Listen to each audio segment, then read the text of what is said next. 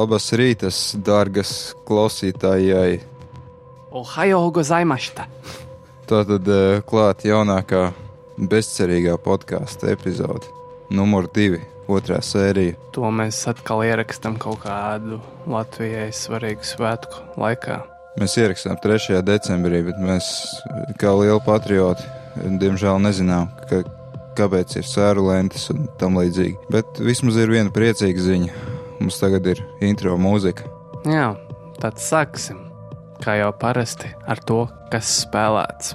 Ah, un es esmu Fenfen, un šis ir Genocīds. Nekad ne, nebeigs būt smieklīgi sevi tā, tā iepazīstināt, bet pirmais mūsu sarakstā spēlēto spēļu sarakstā ir LA Noir. remix, nē, remakes, nē, HD upscales. Varētu teikt, ka esmu spēlējis visas versijas, gan oriģinālo, gan uh, remaster, gan arī Switch uh, portu, ja to tā drīkst saukt. Ticiet vai nē, bet spēlēju pirmo reizi šogad tikai šo augstu vērtēto un savā ziņā arī skandalozo spēli. Skandalozo, tāpēc, ka Bundī, katrs Bundī studija. Team Bondi Bondī, Bondī, jā. nemaksāja algas, cilvēkiem bija jāstrādā vairāk nekā 50 stundas nedēļā, kaut kas tāds. Un tagad to visi jau ir paspējuši aizmirst un jau pērk kārtējo reizi spēli, ko jau lielākā daļa jau ir spēlējuši vismaz vienu reizi. Mans attaisnojums beidzot to uzspēlēt bija tāds, ka iznāca uh, arī Switch versija. Mans attaisnojums to spēlēt bija tāpēc, ka es pārkāpjot visus end-user agreementus no genocīda konta, varēju to beidzot spēlēt HD rezolūcijā. Un mans dators nespēja pavilkt. Vismaz nespēja, kad man šī spēle bija aktuāla. Šo spēli īpaši labi. Jā, PC versija bija slikta optimizācija, cik dzirdēju. Bet par pašu spēli tā īsumā man patika. Izgāja līdz beigām arī tika. Tajā vietā, kur Fenfen apstājās, īstenībā tā spēle arī kļuva interesanta. Tad, kad beidzot uh, tiekam pie advice sadaļas, nodaļas, nezinu, kā to latviešu sauc, desk, angliski bija. Nu Jā, tas ir laikam tā kā sīkie noziegumi. Nu, ne sīkie, bet nu, tā kā ar azartspēlēm un narkotikām saistīti noziegumi. Vai tas būtu? Tikai es nesaprotu, kāpēc, kāpēc desk. Nu, tas laikam amerikāņu stilā. Latvijā laikam viss sēž kabinetos, tur viss sēž vienā lielā telpā ar 500 galdiem. Tas laikam tāds darba kultūras iezīmes. Nu jā, kas tagad jau sen ir arī Eiropā un Latvijā, ka ir atvērti ofici, kas ir kā izpētīts, eh, darbinieki jūtas īpaši stresaini. Bet, nu labi, runājot par spēli, ko lai saka, izmeklēšana, runāšana ar uh, aizdomās turamajiem atslieciniekiem. Spēle izceļas ar to, ka ir 40. gada Losandželosa. Manuprāt, pilsēta izstāsta ļoti interesanti, lai gan tur nav ko daudz darīt. Tā nav gluži GTA, kaut arī ir atvērta pasaule, tad ir diezgan ierobežots lietu klāsts, ko tur var darīt. Gluži tāpat kā mafijas spēlēs, vismaz pirmajā un otrajā. Kas vēl aizvien man šķiet iespaidīgs, ir sejas animācijas. Reizēm izskatās pārspīlēti, bet uh, man šķiet, ka vēl aizvien spēles reti, kur ir tādā līmenī. Nu, ja neskatās uz Naughty Dog pēdējiem veikumiem, ir tīpaši to uh, demo, kas tika izrādīts diezgan nesen. Kad, kur tas tika izrādīts? Jaunajai The Last of Us daļai. Tā, tā bija visai iespaidīga. Un tas pat nebija vienkārši face scans, kas ir LA no A. Tas ir reāli atveidojums 3D vidē. Tas ir daudz iespaidīgāk. Bet, nu jā, LA no A. Es to arī spēlēju un tiku līdz vaisam. Trešo reizi un tālāk netiek, jo kaut kas man liek pārtraukt šo spēli spēlēt. Varbūt esmu pārāk cinisks, lai šo spēli spēlētu, bet man ļoti kaitina tas, ka ir iespēja savākt tūkstošiem priekšmetu, un tikai viens vienīgs priekšmets norādīs uz patieso ceļu, kaut arī visi pārējie arī kaut kā pastarpināt varētu norādīt uz patieso ceļu, un tas šajā spēlē rada to ierobežotības sajūtu, ka ir tikai viena vienīga pareiza atbilde katrā situācijā, nevis divas. Man liekas, ka vienā tajā lietā bija tur, kur tā sieviete tika nolaista pa kalnu lejā ar to mašīnu. Tur bija divas iespējas, ko es uzzināju tikai skatoties uh, uh, Frequently Asked Questions sadaļu šai spēlē, kur es uzzināju, ka bija iespēja izvēlēties divas versijas, lai dabūtu korektu atzīmi. Eleonora ir labi nostrādāta spēle, bet tur ir daudz gluķi. Es, iespējams, tāpēc, ka vecums, cik tagad es spēlēju, 7, 6 gadi. 6 gadi. Nu jā, tas jau sāk justies ne tikai grafiskajā ziņā, bet arī mehāniskajā daļā. Tā spēle ir, liekas, diezgan veca. Nu, es atļaušos nepiekrist par gluķiem. Es praktiski nevienu neredzēju. Nu, bija šāda kaut kas, ka iesprūda kāds kaut kur geometrijā, bet nu, tā, tā ir klasika. Tad man problēma ar spēli tāda, ka, nu, es varbūt es vienkārši nemāku lasīt cilvēku sejas, bet bija grūti saprast, vai viņi melo vai saka patiesību. Nevienmēr, bet daudzos gadījumos. Un kas tad īsti ir jāspiež vai no good cop, bad cop un uh, accuse? Iepriekšējā versijā bija uh, truth, doubt un lie. Es ļoti bieži vienkārši, lai ietaupītu savu laiku, skatījos gidus tā saucamos, lai ātri tiktu cauri. Jo man stāsts likās ļoti interesants, visas tās situācijas interesants. Bet atkal mēģināt kārtējo reizi dabūt tos, kā jau teicu, korekti uh, atzīmes. Tā ir īpaša problēma PlayStation 4 versijā, kurā neskapēc nevarēja izlaist sižeta ainas.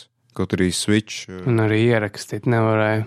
Konstanti Sistēma Jā. atgādināja, ka šī ir neierakstāma aina, kaut arī man pilnīgi nekāds intereses nebija ierakstīt šo pasākumu, bet tāpat tas bija diezgan kaitinoši. Ierakstīt tāpat var, ja ir ārējā aparatūra. Nu, jā, bet... tas, tas visu laiku kaitināja, jo aizsēdz bieži vien vēl. Eh, man ir uzlikts, ka augšējā kreisajā stūrī rāda to paziņojumu. Tad aizsēdz uh, uzrakstus, kā jā, notikumu vieta jā, un laiks. laiks jā, es arī bieži vien biju tāds diskonekts. Uh, kur kas notiek. Bet, jā, es piekrītu. Stāsts ir labs. Savā ziņā aiz, aizgūts mazliet no filmas LA Confidential.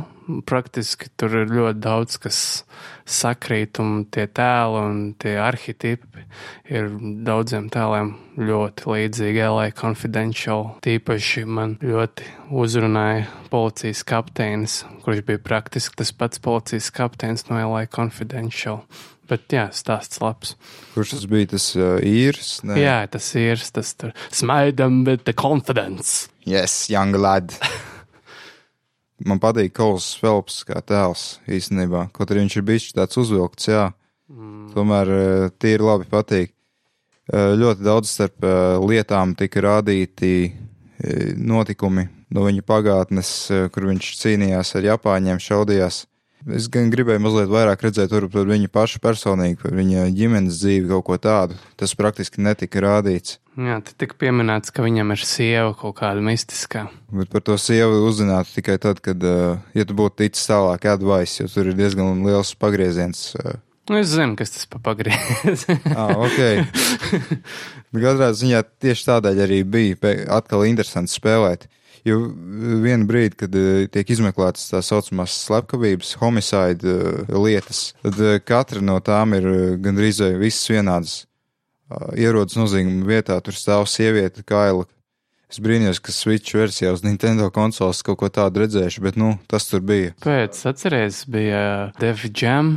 The Fight vai kā tāda. Ah, pareizi. Tā, jā, GameCube spēle. Nu, nav, nav pirmais gadījums ar violence un obscenities. Nu jā, bija arī BMX XXX, bet, nu, citā tajā spēlēs.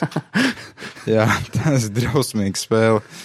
Tā kā Dave Miras eh, BMX tikai trešā daļa ar, eh, ar erotiskiem video, ko var atslēgt un striptīs klubiem, kā apmeklēt. Tajās spēlēs, cik man zināms, nevarēja redzēt to, kas ir tur lejā tā teikt. Lai no ārā atkal varēja, bet, nu, katrā ziņā tajā brīdī spēle sāk mazliet tā kā apnikt. Nav brīnums, ka tu, tu arī, tur arī beidz spēlēt, jo Nē.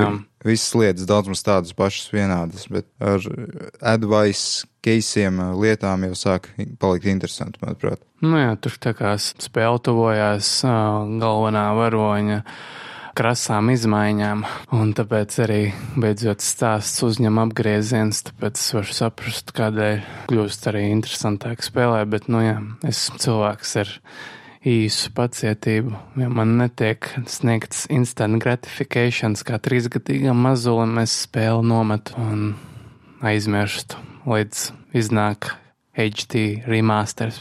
Es saprotu to perspektīvu.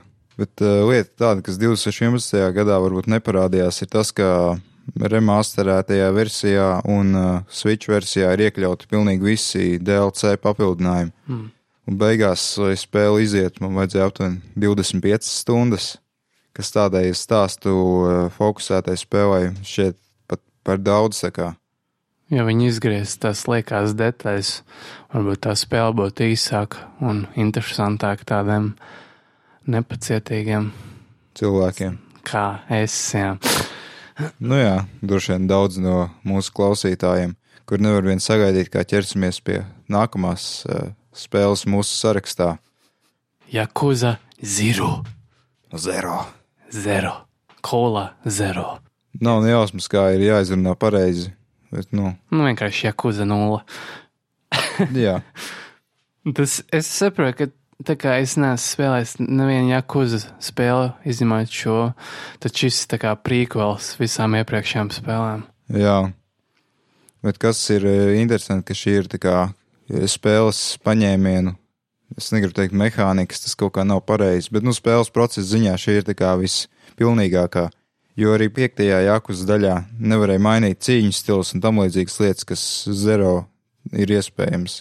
Es šo spēli raksturotu kā kaut kādu mikslu starp God of War un kaut kādu RPG, jo tā kā es kaujos ar jakūzām, ir quick time eventi, vienlaicīgi es varu kačāt savus skills, savu līmeni, izsist no viena cilvēka miljoniem jēnas un tā kā grindot, un tā kā tas priekš manis ir ideāli, action RPG.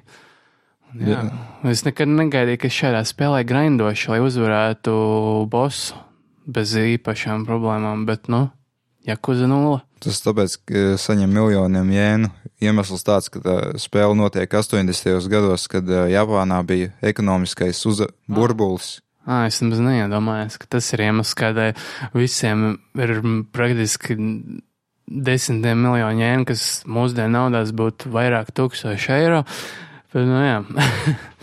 Katrs nodaļas beigās parāda spēlētāju jēnu skaitu un salīdzina, cik, piemēram, flīģeļi viņam ir viņa īpašumā. Jā, man tas patīk, cik, cik uh, TV animes es izmaksāju. tas diezgan interesanti, nu, bet triviāli, īpaši nesvarīgi, bet tomēr interesanti. Nu jā, Jākus būtībā ir stāsts par uh, vīriem ar stingri savilktām sejām bet tajā pašā laikā tas, ko jūs darāt spēlē brīvajā laikā, ir bieži vien ļoti absurdi. Varbūt tev ir palikusi atmiņā kāda īpaša blakus, e, blakus uzdevums. Nu, es nezinu, vai tas blakus uzdevums, bet man ļoti patika tas, tas čalis klauns, kurš tā kā ir tas, kurš izsniedz dāvanas. Nu, kā to raksturot, tas bonus krāms. Viņš nu, jā, CP punktus var apmainīt, bet es nezinu, man viņš nepalika atmiņā. Bet, nu. Nu, viņš tāds likās ļoti neparasts, dīvains tēls. Citādi nopietnējā jakuza pasaulē, kas ir piepildīta ar karaokas dziedāšanu un visādām spēlēm, bāros un rāmenēšanu un seven up nopirkšanu. Interesanti spēle. Es man grūti īstenībā raksturot, bet es noteikti vērt, vērtēju to kā labu pieredzi. Jā. Vai tu satiki arī, nu, noteikti satiki Misteru Libido? Misteru Libido es laikam līdz šai daļai netiku. À, tad tu neskrēji laikam pa to mazo ieliņu, kur pēc tam viņš piedāvā atrast spēles pasaulē, kas tā pati Kamuročo pilsēta, savākt meiteņu pastkartes. Nē, to es laikam vai nu palaidu garām, vai neesmu ticis līdz tā daļai, kur viņš parādās. Mm, cik tālu tu tiki sižetā? Ja godīgi, ne īpaši tālu. Es piekāpu pirmo bosu un tiku mazliet tuvāk otram bosam, bet, jā, saistībā ar dzīvi ārpus spēlītēm man nav bijis īpaši daudz laika tālāk tikt. Skaidrs. Tu laikam vēl maģimu neesi iepazinis. Nu, laikam, nē, ja man kaut kā neizraisa asociācijas šis vārds. Skaidrs, jo viņš ir ļoti interesants tēls. Maģima, maģima. Goro Maģima. Vai īstenībā Maģima Goro Japāņi uzvārdu saka vispirms, tad vārdu. Nu jā, kaut Nerd. kā tā. Otaku, jā. Jā, viabu. Un tālāk, kas mums ir Dūma. dūma. 2016. gada spēle. Atkal tāpat kā Relēna Noāra, beidzot tai pieķēros, tāpēc, ka iznāca Switch versija. Mēs jau ierakstījām 12 minūšu video, kas tika uzņemts diezgan labi, man šķiet, Jā, mēs neesam kopš tā laika nevienu reizi spēlējuši šo spēli. dzīves faktori un tā tālāk. Jā, un 20 eiro, kas būtu jāiztērē, lai šo spēli nopirktu. Nav liela nauda, bet tā kā es esmu cilvēks, kurš vērtē dolārus pret stundām, ko es pavadu šajā spēlē, tad man liekas, ka šī spēle nav īpaši prioritāra manā bucket listā. Bet, nu, noteikti kaut kad, kad būs mazliet lielāka atlaide vai arī vairāk laika pieķerties šai spēlē, es to iegādāšos. Tādā ziņā salīdzinot ar Jakuzu, piemēram, Dūma ir diezgan maza tā e, attiecība, vērtība. Bet, nu, man vienalga, man bija jautri, es spēlēju tāpat. e, Neesmu vēl izgājis līdz galam, bet jāsaka, vienā brīdī gan man sāk jau tā kā apnikt, cik tos dēmonus var šaut. Jā, bet tas ir dūms. Dūms vienmēr bijis par dēmonu šaušanu un minimālu stāstu. Bet, lai gan, cik saprotu, šajā spēlē ir. Ir stāsts, bet tas vairāk bez sižeta ainām pastāv. No pirmās personas visu skatāmies. Piemēram, video redzējām uh, doktoru Samuelu Heidenu, kas sarunājās caur hologrammām. Man ļoti patīk viņa balss, tāda, tāda ļoti ļauna, tāda tā kā nemāku izskaidrot, bet vienkārši perfekti piemeklēt balss tam varonim. Tas tā kā profesors, tāds inteliģents un tam līdzīgi, bet ar tādu ļaunumu piešprici, tā teikt. Tā kā tas Tottenhops no mm, Wolfensteina, un, nu ne jaunā, bet iepriekšējā. Citādākā veidā vienkārši balsī ir jūtams, kā to sauc, infleksija. Tā veidā, kā viņš izrunā vārdus, kā viņš runā, tas rada tādu ļoti baisu apakštoni. I am demon. Ā, Tas ir tālāk, kad beidzot tiekam līdz Ellai. Darbība notiek uz Marsa, kur ā, ir atvērts ā, portāls uz Elli. Līdz ar to viss personāls Marsa stācijā nogalināts, apkārt skaraida dēmoni. Un tas tā kā Mass Effect. Mass Effect sākās no mēnesis vai Mars arī. Nav nejausmas. Es to, to gan es negribu spēlēt, zinot, cik daudz laika tur vajag ieguldīt. Un cik viss, viss beigās, cik saprotu, ir bezjēdzīgi. Nu, jā. Ne, Cik dzirdēju, Dūmam ir diezgan vājš daudz spēlētāju režīms. Vai tu vari par to pastāstīt? Tu esi paspējis jau spēlēt, vai nē? Vēl ne, neesmu pieķēries. Žēl, ka nav dalītā ekrāna režīms jāspēlē tikai tiešsaistē. Nu jā, tas ir, lai pirktu vairāk sistēmas un vairāk kopijas šai spēlē. Ak, mazie ebreji. Jā, kaut kā tā. Jā, stāsts uh, nav ļoti aizraujošs, vienkārši pati šaudīšanās ir laba. Ļoti tāda apmierinoša, tā kā iešauj un izšķīst kaut kas, un uh, tas vienu brīdi apnīk. Ļoti patīk dažādība, tā kā līmeņiem, Marsa stācija, dēle un tam līdzīgi, bet nu vienā brīdī tā kā sāk jau beigties tā dažādība, un tad sāk iestāties neliela tā kā rutīna, demonu šaušanas rutīna. Šo spēli izstrādā ideja. Id, bet nē, Džons Kārmaks. Nu jā, viņš jau ir vecs, izsmelts, izžauts vīrs. Izskatās izžuvis. Nu jā, izžuvis. Eh, viņam arī ir tāds tā kā tā, tā gudrīša izskats, bet ar tādu ļaunumu, tādu piesitienu, es nezinu. Mm, Kā jau lielajiem mastermindiem. Tā kā Stevam Jobsam un Bilam Geitsam, viņam ir tāda ugunteņa. Nevienam nav tāds trulums īsti sejā manāms. Nu jā, Geits vispār ir atsevišķi sāsts ar savām vakcīnām un ģēmo, bet par to mēs laikam neiedziļināsimies šajā podkāstā. Jā, nu tālāk, kas ir mūsu sarakstā, tas ir F2P, vai free to play, vai free to win, vai jeb tas, kā es dabūju Playstation Plus un izmēģināju visas free to play spēles šajā sarakstā. Esmu pārāk liels ebrejas, lai pirktu spēles jaunas. Jā, tā vietā, lai varētu uzspēlēt Jakuzu Zero, tu veltīji savu laiku. Es veltīju savu laiku Warframe spēlēšanai. Daudz gan jau zina, kas ir Warframe. Tā ir spēle, kur tu esi astronīnzja un iznīcini miljardiem ciplanētiešus un saņem gieru par to. That's about it. Vēl kaut kas no free to play. Free to play es vēl pamēģināju smait uz Playstation 4. Pirmo reizi dzirdu, kas tas ir. Kaut kas līdzīgs mobām, bet vairāk no trešās personas perspektīvas, ne tik ļoti no augšas, kā tas ir Dota un League of Legends un visiem, visos pārējos miljardus klonos, bet te vairāk tā kā ir no aizmugures un ir tāda mazliet intīmāka saikne ar savu varoni. World of Warcraft tādā aptuveni. Nu, aptuveni, jā, bet ir tāpat tas kartes formāts tāds pats kā Dotā, nu, mobās kur tu skrien un pa trim līnijām un iznīcini toņus, un beigās tu tur iznīcini kaut kādu tur puķu vai kas tur bija jau aizmirst. Bet katrā ziņā esmu pārāk izlis, lai šo spēli spēlētu ar kontrolieru, tāpēc es diezgan ātri nometu to zemē. Bet, nu jā, daudz arī zinās, kas ir smaita, un daudz arī atzinīgi novērtē šo spēli. Tas ir ar viduslaiku tēmu, vai ne? Nu, Tur vairāk ir um, grieķu mitoloģija, tāpēc arī nosaukums Smite. Ah, Tā Kā, tur ir visi šie te. Ar, nu, tur arī ir ne tikai grieķi, tur arī ir eģiptieši.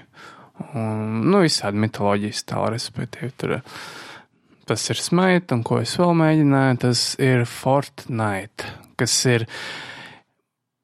Um, vis, jaunākais hits YouTube, man liekas, un vispār spēļu komunā. Jā, tas ir uh, pašā virspusē ļoti brutāls klons PUBG. Nu, ja neskaita to, ka tu vari ātrumā celt kaut kādas konstrukcijas, nu, lai aizsargātu sevi, tad praktiski tas ir tieši tas pats PUBG. Viss sākās, ka es izlaicu no lidmašīnas, piezemējos, apšaut pāris cilvēkus, pirms tam savācot kaut kādus ieročus un kaut kādas sūdus. Un tad karte pakāpeniski samazinās līdz vietai, kas varētu būt mērām pār, pāris desmit kvadrātmetru platībā, kurā pēdējie desmit vai pieci cilvēki mēģina cits citu noslapkavot, lai beigās uzvarētu. Nu, praktiski tas pats PUBG, nekas jauns, nekas svaigs, ja neskaita to konstrukciju taisīšanu, ko var darīt savācot kaut kādus materiālus, uh, kas ir izmētāti, nu, nejauši. Craftings. Nu jā, tur ir tāds kā craftings, bet ne arī gluži tāds super advancēts. Es vienkārši varu uztaisīt savu bāzi, uztaisīt sienu, nu, ļoti ātri, izvairīties no nāvējošiem uzbrukumiem. Nu, un praktiski tas arī viss, kas tur notiek. Es tā kā paspēlēju, nesapratu, par ko šī spēle ir. Man nav cilvēku, ar kuriem šo spēli spēlē, tad es arī nometu šo spēli diezgan ātri. Bet vismaz atšķirībā no PUBG, tad nav nekāda sākotnējā maksa. Vienkārši ņem un spēlē. Nu, tik cik Playstation Plus. Ja godīgi, es nezinu, jo kaut kur es redzēju, kādā veikalā arī maksas fizisko, fizisko kopiju šai spēlē, tāpēc neņemos eh, apgalvot, ka šī ir tieši free to play spēle. Ah, nu, es gribēju prasīt, jo tā ir free to play, tad kā ar mikro maksājumiem. Ja nemaldos, bija tur kaut kāda mikro maksājuma, bet es tā kā nepievērsu īpašu uzmanību, jo šādās spēlēs kodoļu mikro maksājumu, nu, Skinus. skinus, nu, ja tu negribi kļūt par pay to win spēli, tad jā, tad viss, ko tur piedāvāt, ir kaut kādi triviāli skini, kas man īpaši nesaista. Nu, varbūt kādu saista tas cepars Vai zelta kalašņikovs.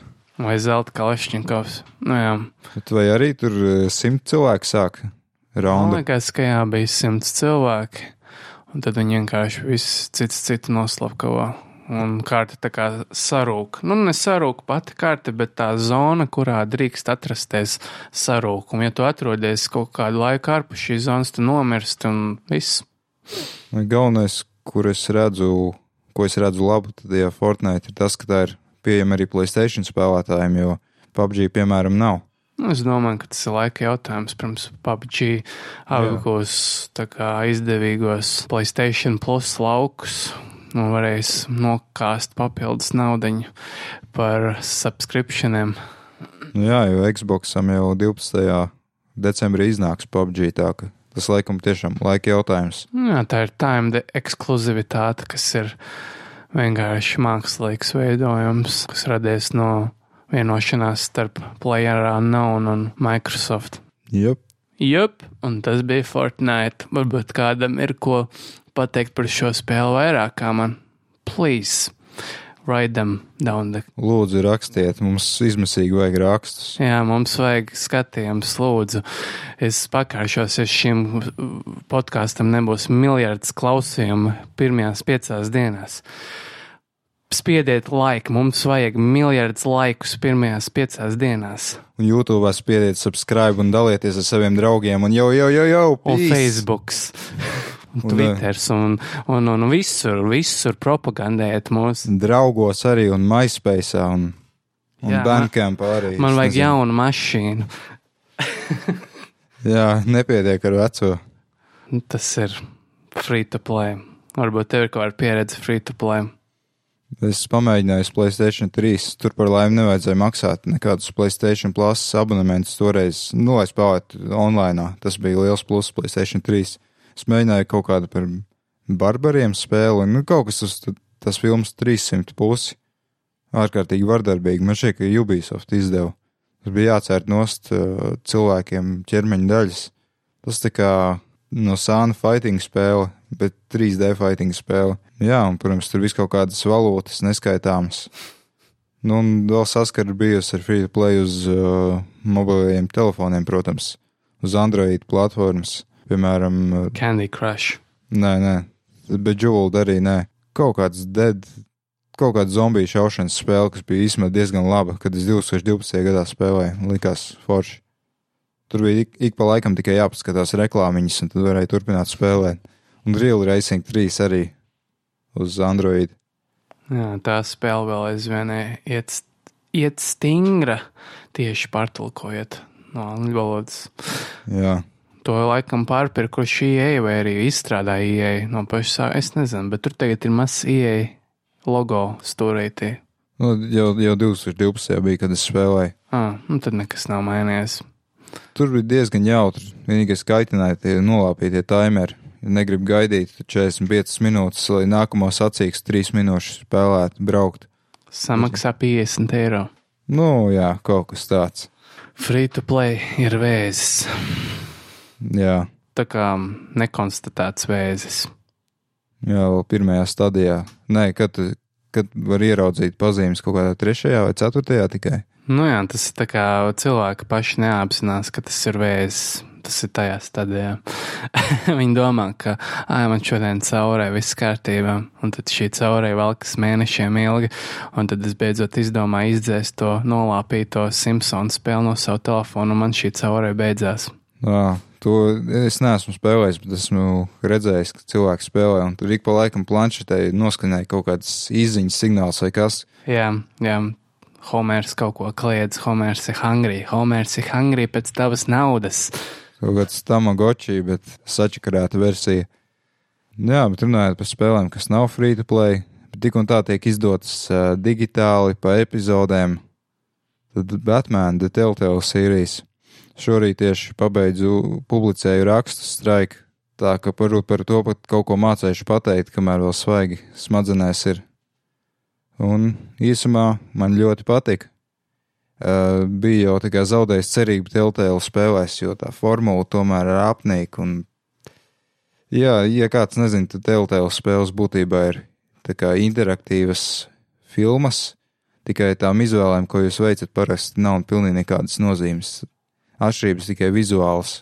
Nu, piemēram, jūs sarunā izvēlaties atbildēt uh, rupji, nākamie divi teikumi no jūsu sarunas partneri kaut, kā, kaut ko aizrāda, jā, bet pēc tam atkal tas teikums, ko viņš pasaka, pēc tam ir pilnīgi tāds pats kā tas, ko ja jūs būtu atbildējuši laipni. Un Tā kā Elēnoā, es bieži vien aizskaru savus nopratināmos, un viņi dusmīgi atbild, un es viņam saku, have a nice day, un visi paspiež rokas un laimīgi aiziet katrs savu pusi. Nu, tāds diskonekts. Jā, bija tā viena brīdi, tā kā pozitīvi kaut ko pasaka, saprotoši, pēc tam atkal negatīvi, bet cilvēkam tas viss tā kā kaķim zem astes, nu, vienalga pilnīgi. ūdens zem tilta, nezinu, tas arī nepareizs no angļu valodas kaut kā brutāli tieši paņemts. Un kā šī spēle atšķirās no iepriekšējām teltēlu spēlēm, kas tieši ir tāds jauns un svaigs? Jauns grafiskais dzinējs, to es neminēju apskatā, man nelikās svarīgi, bet, nu, tagad izskatās mūsdienu standartiem jau labāk. Neizskatās pēc uh, pakaļas, kā parasti teltēlu spēles izskatās, manuprāt. Galvenā atšķirība tāda, protams, DC komiks uh, visums ir paņemts atkal no angļu valodas nepareizi. Es nezinu, kā pasaule ir Batmans, uh, Batmana tēli, kaķis sieviete un viss pārējais. Tas, tas ir liels pluss, tāpēc, ka Batmans galvenajā lomā, ja Bruce Waynes, ir tāda drošības sajūta, pārliecība. Atšķirībā no The Walking Dead nav pastāvīgi sūdīga sajūta, ka kārtējo reizi nogalināts tēls, kas jums rūpēja un tam līdzīgi. Konsekventi baudām spēles, teikšu tā. Tas ir kaut kāds Batmana izcelsmes stāsts, vai tas ir kaut kad, kad jau viņš jau ir Batmans kādu laiku bijis? Nē, viņš jau ir Batmans. Uh, tad sižets sākas ar to, ka ir uh, mēra vēlēšanas nākamās. Hārvijs Dens, kas uh, vispār tajā Batmana folklorā ir tas uh, Prokurors. prokurors, jā. Atšķirība tāda, ka šeit viņš kā mēģina kandidēt par mēru. Atšķiras arī, kā viņš mm, kļuva par to tur tēlu. Tas ir citādāk pasniegts šeit. Manuprāt, šai Batmana spēlē ir viens no spēcīgākajiem sākumiem, ko esmu redzējis vispār eh, starp Batmana filmām spēlēm. Sākas ar to, ka bandīti ielaužas eh, domas ēkā, griež vaļā seifu un tam līdzīgi. Un tad ir Batmans ieradies uh, izglābt dienu. Atkal no angļu valodas slikts tulkojums. Es jau sevi šaustu tagad.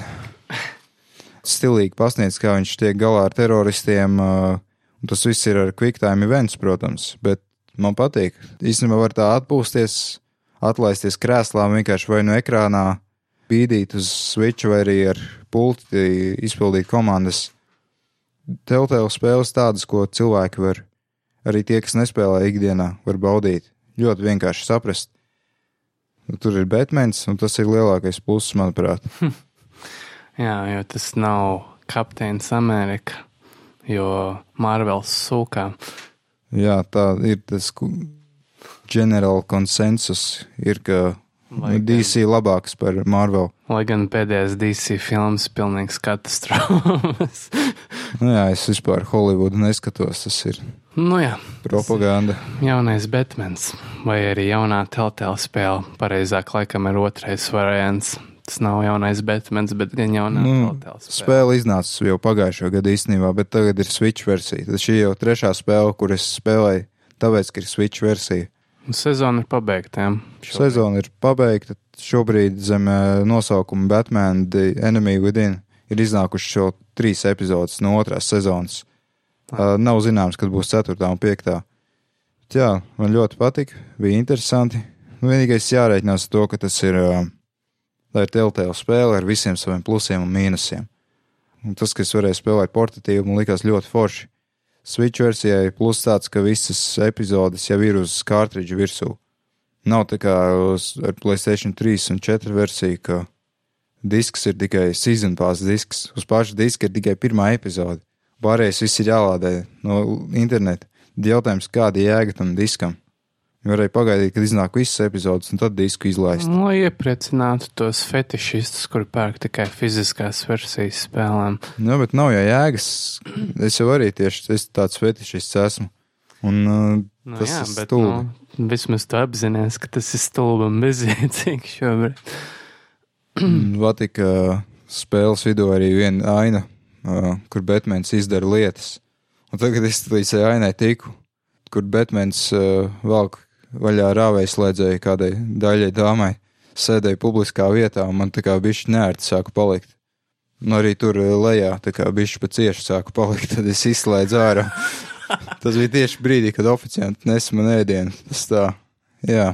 Oh, tur arī bija tāda momenta, tas nav E for everyone. Jā, tā ir Peggy 18 spēle, starp citu. Wow, mature. Bet tas ir vairāk vardarbības dēļ par uh, seksuālām ainām un narkotikām. Tur nekas nebija minēts. un kurā brīdī Telltale tā kā paspēja nomainīt savu dzini? Tas jau bija kaut kur pie Minecraft vai tieši Nē, pagājušo spēle? gadu Batmans pirmā spēle. Jā. Tur beidzot ir dinamiskais apgaismojums un tam līdzīgas lietas. Mm. Es spēlēju Switch, uh, atkal apskatā par to neko neminēju, nelikās svarīgi. Bet Telltale tam dzinējam problēma tāda, ka vienu brīdi tas, nav, kadru skaits nav ierobežots uz 30. Tas pats arī uz Android, kad spēlēju. Screen tearings, jā. Nē, negluži tas. Problēma tāda, vienu brīdi pagriež pret kaut kādu ainu, statisku ir 60 kadru sekundē stabili. Nākamajā ainā atkal ir 30. un Reizēm atkal nokrīt uz 20. Un tā nekonsekventi. Viņi labāk varēja ierobežot. Bet, nu, Switch versija doka režīmā strādā pilnā Full HD izšķirtspējā, cik nu vismaz spēja saprast. Vienīgais tas malu nogludināšana nav tik laba kā citās versijās, un nav tas motion blur efekts, eh, kas ir PC versijā PlayStation 4. Bet vienalga izskatās galvas tiesa pārāk par eh, PlayStation 3 versiju, kas vispār Ir arī tāda versija. Jā, brīnumainā kārtā. Ja kāds ir spēlējis Telltale spēles uz Playstation 3 vai Vita, tad zinās, cik uh, drausmīgi tas strādā. Jā. Problēma tāda, ka nav operatīvās atmiņas tām sistēmām pietiekami daudz. Switcham ir 3,2 gigabaiti spēlēm veltīti. Playstation 3 ir knapi 500 megabaiti kopā ar grafisko atmiņu. Līdz ar to katra aina ir ar lielu aizturu parādās nenormāli bremzē, un ko es ievēroju arī, ka cilvēki fonā tika ļoti samazināts skaits. Piemēram, ir aina, kur eh, runā pie kafejnīcas sārā. Playstation 3 versijā nav cilvēki redzami, neviens cits, izņemot tos trīs, kas runā pie galdiņa. Tas tā interesanti. Jā, es atceros, ka es uz savu svītu spēlēju pirmo uh, Walking Dead sezonu. Nu jā, tas ir diezgan krimināli, bet lai gan no otras puses spēlēt jau var, nav jau. Nu jā, tieši tā. jādara. Īstenībā pat vieglāk bija QuickTime events izpildīt Playstation 3 versijā, jo ir vairāk laika kā reaģēt, Mhm. jo ir aizturis starp katru no tām ā, ainām. Jā, tā kā pēdējā spēle no viņiem, ko es spēlēju, laikam bija Game of Thrones. Pirmā epizode. Likās diezgan labi. Bet, nu, problēma nav tas, ka ir spēle, bet problēma tas, ka šīs spēles ir pārāk daudz. Varbūt Jā. viņi tēmē uz to, ka katram ir kaut kas, ir tavam mazajam brālītim, ir Minecraft, tavam. Uh, uh, tavam depresīvajam, jet edgy brālim lielajam ir Game of Thrones, tad tavam 16 gadniekam ir uh, Borderlands, un tad uh, tavam 30 gadīgajam komiks noģim ir Batmans. Tā kā visām epizodu spēlēm tā kvalitāte no epizodes uz epizodi nav vienlīdz li liela. Tur Arī tā, Batmanam savā ziņā man likās, ka tā spēle nesasniedz tādas virsotnes, tā kā The Walking Dead, piemēram, bet kopumā bija labāk. Man liekas, tā, kā, tā amplitūda nebija tik svārstīga. Nu jā, jo viņi nav paspējuši izlaist 50 spēles šogad. Varbūt tāpēc. Nu jā, bet es biju pārsteigts, kopš pēdējā, ko spēlēju, bija The Wolf Among Us pirmā epizode. Un tad es biju šokēts vienkārši, cik daudz spēļu viņi ir paspējuši pa trim gadiem izlaist. Tāda ma viena maza studija ar 300 cilvēkiem. Nu jā, tas ir pat trakāk kā Ubisoft vai Activi nu, Activision pats neredz savas spēles, bet nu, tāpat. Kāds ir tavs uh, skatījums uz Telltale spēļu ierobežoto brīvības izvēli? Ka gal galā tavs izvēles neko beigās nenozīmē. Nu, tas, jā, tu izvēlējies kaut kādu izvēli, tur parādās tāds atsevišķs teksts, ka tava izvēle atstās nu, kā kaut kādu ietekmi uz stāstu vēlāk, bet praktiski e, viņiem klasiski ir tas, ka ir tā, uz beigām ir tā vieta, kur ir kāds tēls, kurš atstāsta, ko tu esi darījis un ko tu neesi darījis, kā tas bija The Walking Dead pirmajā sezonā. Un tas ir vienīgais, kā tavs izvēles atsaucās vispār tālāk nākotnē. Lai arī kā tu vēlētos izglābt to vai šito varoni, viņi tāpat visi nomirs, tā kā viņiem ir jānomirs pēc stāsta, un ar to es tā kā savā ziņā rēķinos, bet, jā, tā kā genocīds teica, ka tavām izvēlēm nav absolūti nekādas nozīmes, tas ir mazliet kaitinoši. Lai gan var arī saprast, ja mēs taisīsim 30 endingus, tad tās spēles neiznāks tik ātri kā tas. Manuprāt, problēma tāda, ka viņi ir izlaižuši pa epizodēm. Tas vienkārši nu, nav iespējams tos daudzos endingus uztaisīt. Nu jā, varbūt arī tehniskā puse tur ir svarīga. Telltale. Kas nākotnē ir kaut kādas ziņas, kas viņam ir paredzēts. Uh, nu, būs tā Guardians of the Galaxy. Man tas neko neizsaka, bet tas daudziem lika sajūsmināties cilvēkiem. Marvels, jā, Marvels. Un kas vēl nekas nav zināms. Nu, Jā, es gribēju piebilst, ka tā ilūzija, ka izvēlēm ir nozīme, strādā pirmo reizi. Vienreiz katra no tām spēlēm iziet, ir baigi forši. Bet atkārtot, nu jā, tad vairs nestrādā. Tas nav vairs tā maģija. jā, jo ar pirmo reizi tu dabūsi savu platīnu trofeju, un tu vari aizmirst par to spēli uz visam laikam. Lai gan nu, The Wolf Among Us nebija tik viegli, tur bija tomēr jāatgriežas un kaut kādas citas izvēles jāveic. Es atceros, lai dabūtu platīnu. Nu, nu varbūt kādreiz. Bet, nu, The Walking Dead pirmā sezona bija vienkārši platīnas garantēts beigās. Jā, tas bija mans pirmais platīns uz vitas. nu jā, Batmans ir noslēdzies. Batmans ir miris. Lai dzīvo Batmans. Viva la Batman. Kaut kas tāds. eh, Runājot par citām epizodēm, izspēlēju arī Little Nightmares otro DLC sēriju. Un esmu vīlies. Ja pirmā papildinājuma daļa bija interesanta tādā ziņā, ka tur bija citādāks spēles process, kas eh, nebija pašā spēlē. Proti, bija daudz eh, mīklu un eh, šķēršļu, kas atradās ūdenī. Un tai epizodē ir ļoti tāds atkal tā kā dūmu gadījumā apmierinošs nobeigums. Tā kā atriebība ir saule, teiksim tā. Turpretī otrā DLC epizode uh, nav ar neko īsti īpaša. Uh, ir tā pati lavīšanās no tā The Janitor, ko izrādīja video, bēgšana no viņa un tam līdzīgi, bet uh, ir arī sava tā īpašā lieta epizodē tāda, ka jūs varat uh, tos naumas radījumus, kas ir tā kā, es nezinu, kaut kādi rūķīši vai nezinu īsti viņu funkciju tajā visā uz kuģa. Uh, Kā jau teicu, spēle nepasaka savā, savā stāsta laikā nevienu vārdu. Nevar īsti saprast, kas viņi tādi ir, bet katrā ziņā DLC epizodē jaunākajā viņus samīļojot, uh, viņi tā kā kļūst par uh, The Runaway Kid uh, tēla vergiem, teiksim tā. Viņam skrien līdzi, palīdz paraut slēdžus, uh, bīdīt uh, ogļu tos vagoniņus augšā pa sliedēm uz paaugstinājumu. Un beigās viņi tā kā visi savācas kopā, lai mestu iekšā ogles tādā lielā kamīnā, kas tā kā paceļ kaut kādu mehānisku daļu, par kuru tad galvenais varonis uzbrauc augšā un tiek uh, brīvībā. Diemžēl šai epizodē nav tā apmierinošā nobeiguma. Ir aina, kas kā palīdz sasaistīt, protams, atkal ar galveno stāstu to, bet nav tik labi kā pirmajā epizodē. Un, ja iepriekšējā saskāros ar problēmām ar tā saucamo collision detection, ka īsti geometrija negāja kopā ar uh, ekrānā redzamo, tad šoreiz problēma bija tāda, ka bieži nevarēja saprast, kur jādodas. Kaut arī epizode ir īsa, aptuveni stunda, 40 minūtes ir ļoti ātri zināt, kur jāskrien. Nācās paļauties uz atkal uz gidiem, lai saprastu, kur ir jāiet tālāk. Jā, spēlē noderētu kaut kāda kaut kāda palīga sistēma. Kā kaut kādā, nezinu, Batmanā vai Tūmreiderā, ka ekrāns iedegās pelēks un tad uh, dzeltens mirts uh, elements, kas ir, uz kuru ir uh, kā jālec nākamo. Nu, bija diezgan kaitinoša tā epizode. Tur mums un man pastāstīt, kas vispār ir Little Nightmares.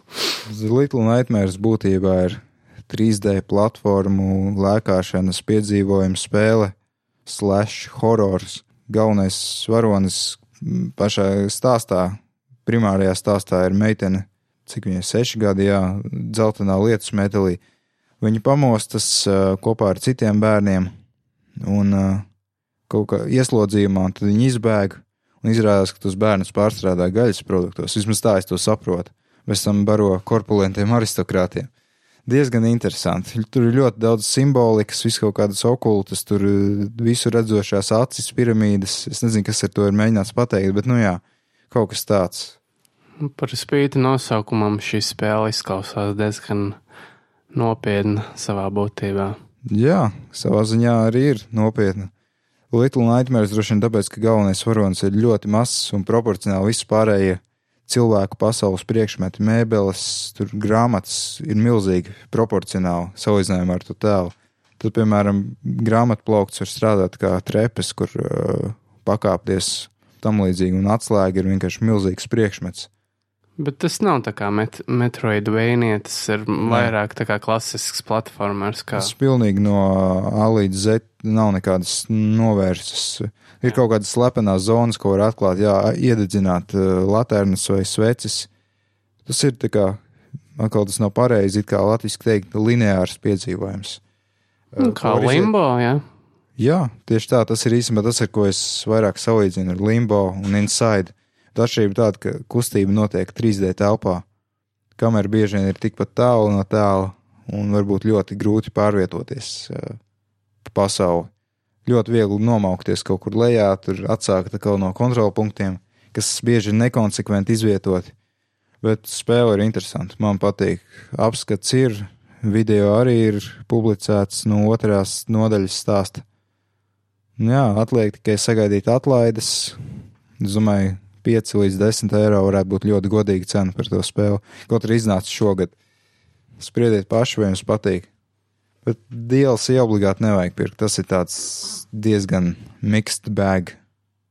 Es pat nezinu, kurai spēlē pēdējos gados ir vērts pirkt DLC, izņemot The Witcher 3, kur DLC reāli ir vesels expansions ar vairāk desmit stundu gameplay. Nu, Es Nu. pat nevaru iedomāties tā no Nu, savas galvas virsmas. Vienīgā spēle, kurai es tā tiešām esmu apzināti pircis DLC, ir bijusi Rocksmith 2014. Tāpēc, ka tur vienkārši nav n- apnīktās dziesmas, kas tur ir. Nu tur jā, var- varbūt tādās spēlēs, jā. Uz akcijām jau super, tur paņemt kaut kādu Deep Purple paku vai kaut ko tam līdzīgu. Ko mēs spēlējam, tas arī viss praktiski. Nu, vēl bija Need for Speed Payback, bet es jau pateicu, ko es domāju par to spēli. Mēsls. Tiem, kas nezina. Drāņķis.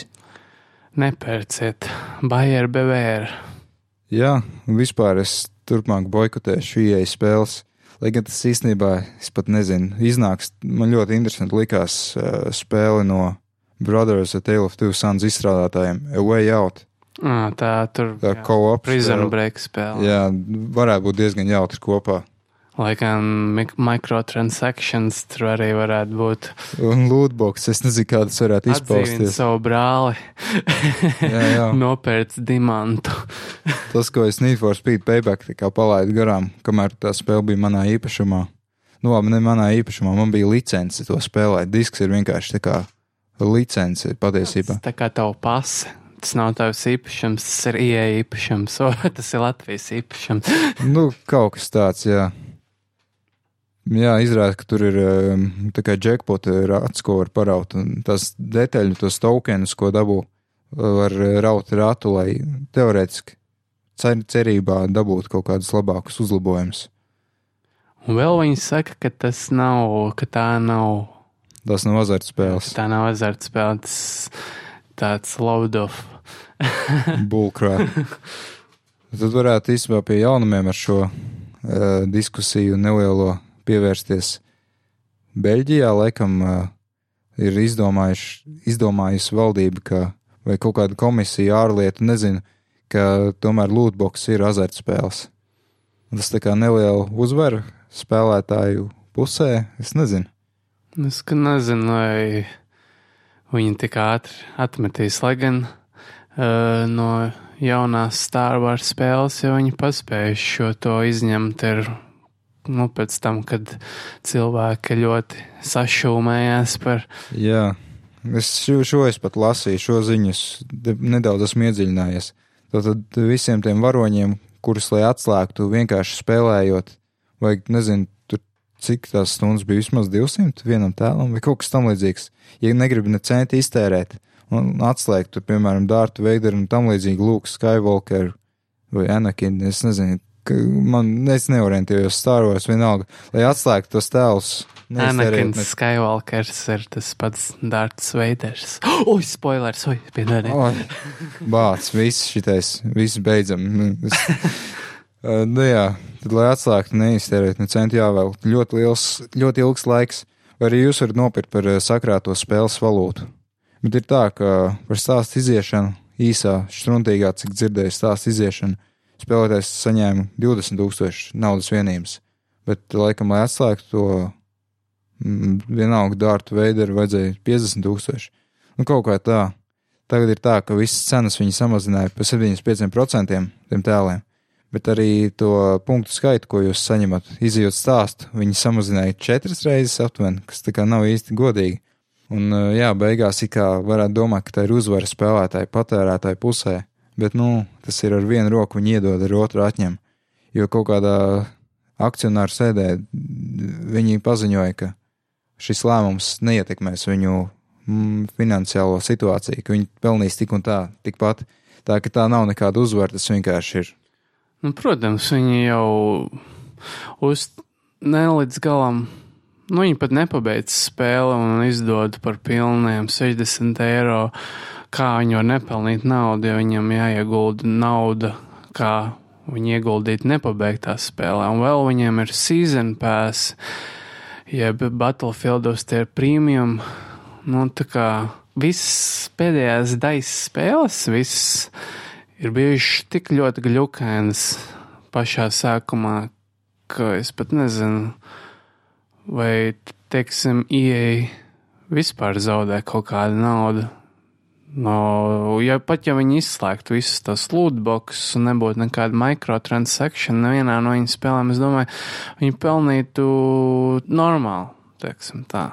Nu, tā kā iepriekšējā podkāstu epizodē teicu, ieeja jau pārdodot ja vienu spēles vienību gabalu, viņi jau nopelna vairāk nekā citi izdevēji. Vienkārši tāpēc, ka iepirkuma cenas ir daudz augstākas ieeja spēlēm nekā citu izdevēju. Spēles jāpērk no viena kaut kāda liela di distributora, un dealer cenas ir vienkārši smieklīgas. Tas ir tas, ko esmu dzirdējis vismaz. Un iemesls, kāpēc uh, ieeja spēlēm ir tik augstas cenas veikalos un arī tur, kur var dabūt pa lēto, dažā labā vietā ir ļoti augstas cenas. Es gan nesaprotu, kā visā šajā bardakā Valve ir izbēgusi no kontroversijas. Overwatch ir dabūjis, uh, Battlefront ir dabūjis, GTA Online ir dabūjis, bet Counter-Strike uh, Global Offensive ar savām maksas atslēgām vēl aizvien nav dabūjis, un viss tā kā pilnīgi ignorē to faktu, ka tieši tāpat azartspēle. Plus tev ir jāmaksā katru reizi eiro ar kapekām, lai to ats, nu, atslēgtu. Un tur tieši tāds pats bakarats, lai dabūtu to uh, savu mantiņu. Tā kā nav garantēts, ka tev izskatīs kaut kas to, ko tu gribi. Tev jāpaļājās uz iespēju. Tā kā man arī tas nav īpaši saprotams, kāpēc, kāpēc varbūt Global Offensive kopumā uh, viņiem tā komūna ir mazliet foršāka. Nu, nav tik apčakarēta no valsts puses, lai būtu dusmīgi uzreiz, kā tas ir GTA online un, un, un, un Battlefront 2, bet nu, tāpat. Vai es pareizi sapratu, tas kaut kāds nodoklis, kā kas jāmaksā par kastu atvēršanu vai? Nē, nu, domā tieši kontrastrekā, ja? Jā, tu teici, ka kaut kas eiro par atslēgām. Nu, jā, tev vienkārši ir jāpērk atslēga, lai atslēgtu kasti. Tu dabū kasti, bet kaste jau nav viss. Tev jādabū atslēga un atslēgas. Kā var dabūt, ja nemaldos, varēja arī maiņas ceļā dabūt, un otrs ir pirkt, pirkt, pirkt, pirkt, pirkt, pirkt. Yes. Yes. Un tā ir astnēs geips pelna. Jā, nelietis. Drāņķis. Nu, jā, runājot par labākām ziņām. Un tādu situāciju, kad izdevējs kaut ko ar vienu roku dod, bet ar otru neņem atpakaļ, tad Gran Turismo sports saņems karjeras režīmu. Tam vajadzēja jau būt no paša sākuma īstenībā spēlēs, uzskatu, tāpat kā iepriekšējais Gran Turismo spēlēs, bet, nu, cilvēki izteica savas domas, savu nepatiku, un uh, Polifonija digitāla izstrādātājs nolēma ka tūlīt pat decembrī būs pieejams arī normāls Gran Turismo karjeras režīms.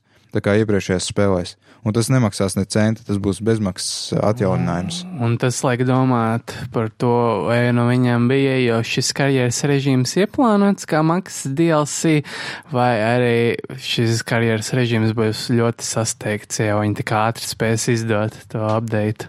Nu, kaut kā tas eh, cienīgs manī grib teikt, ka jā, ka tas bija jau plānots, bet par izdošanai par naudu. Kas ir interesanti arī, ka GT Sport tagad akcijās var dabūt pēc smieklīga naudu. Playstation Network kaut kur par 20 mārciņām vai pat mazāk.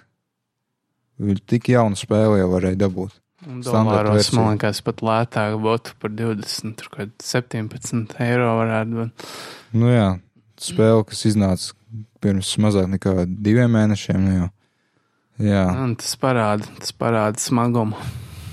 jā, ka tomēr atzīst Japāņi, ka viņi kļūdījās. Un, un jā, un būs arī beidzot Skylines normāls. Nevis tas GTR nolāpītais, smagais, robotizētais brīnums, bet normāls 32, 33, 34 Skylines. Es esmu pat 33, bet vismaz 32, 34 būs. Būs arī Eriks 7 Mazda un jā. Un kā tas karjeras režīms kā izpaudīsies? Nav Tas būs tā kā iepriekšējās daļās. Nu, tur arī nosacīts karjeras režīms. Ir tā, ka tur ir tie turnīri, kā, kas saucas tur Sunday Cup, piemēram. Tad, piemēram, Sunday Cup ir klasiski bijis viens no pirmajiem. Tur brauciet ar jebkādas jaudas, jebkādu veidu automašīnu. Vienkārši prieka pēc sacensties ar pretiniekiem, iegūstiet par katru izbraukto trasi kausu. Un, piemēram, visu savācot, visu sudraba vai zelta kausus, tad arī bezmaksas automašīnu saņemiet. Es atceros, kā mans zēns lasīja spēļu pasaulē, bija vēl visādi handicap challenge, ka tu varēji tā kā palikt kaut kādu noteiktu laiku pie starta un tad mēģināt apgūt pretinieks. Nē, tas ir vairāk tas, tas kas jau bija iekļauts, tas uh, GD Sport, vismaz kā Mission Challenge. Tāda jau bija. Jā. Kaut kas uz to pusi jau bija. Bet šis ir vairāk tikai klasiskais GT mode. Nu, jā, un tad, piemēram, tālāk jau pie beginner parādās uh, FF cup vai kaut kas tamlīdzīgs. Tas FF nav krūšs izmērs, tas ir uh, kā priekšpiedziņa un motors priekšā uh, automašīnai. Es pat nevaru iedomāties FF izmēru. Labi, neko. Uh, nu jā, katrā ziņā. Tur ir uh, jāizvēlas automašīna, kas atbilst uh, speciāli tiem rādītājiem un jaudas kritērijiem, un tad jūs varat piedalīties un tam līdzīgi. Kap, uh, atkal kap, tas arī tas skan aizdomīgi. GT mode uh, sastāv no turnīriem, kurus jūs varat braukt vienspēlētāju režīmā un baudīt un tā. Tad tiem, kas arī nav gatavi maksāt par Playstation Plus krāpšanu, manuprāt, tad uh, viņiem arī būs ko darīt Gran Turismo sporta. Tagad spēle varēs fiziskā versijā arī dabūt par tik lētu cenu, tad es domāju, es nopirkšu. Vai arī kaut kādu complete edition, ja viņi izlaidīs maksas uh, saturu. Jo pašai spēlē nav nevainas, vienkārši maz satura un tā. Nissan Skyline Editions arī būs. Mm, Nav ne jausmas. Es nezinu, kas tas ir, bet būs Vispēka Skylines. Bet būs tieši GTR modeļi, cik saprotu, tie ir pilnpiedziņa. Jā, tas ir GT Sport. Yay! EA Sport. Buy our shitty products. It's not in the game. It's in the season pass. Tā tad eh, nākamais jaunums, par ko es uzzināju tikai šorīt, bet Fanfen jau bija dzirdējis, tad uh, PUBG saņems divas mobilā telefona spēles. Vienu Ķīnas tirgumu, vienu globāliem, cik sapratu. Es gan nezinu, kā atšķirsies šīs abas versijas, bet es redzēju traileru ķīniešu versijā. Uh, Viena, vien, cik sapratu, ir ar kuģiem, kā kuģīšiem. Naval Warfare. Nu, kaut kāds, es nezinu, kā tas vispār sasaistās ar PUBG, bet kaut kas tāds būs. Un tad otra, tā kā, nu, vairāk tā kā tas Battle Royale, kas ir PUBG. Jā, Tur redzēji, tā kā video, es neredzēju, kas tur bija labs. Nu, video laikam bija no tās ķīniešu versijas, jo tur bija visādi hieroglifi, visu, un uh, mirgojoši hieroglifi, un hieroglifi, un hieroglifi.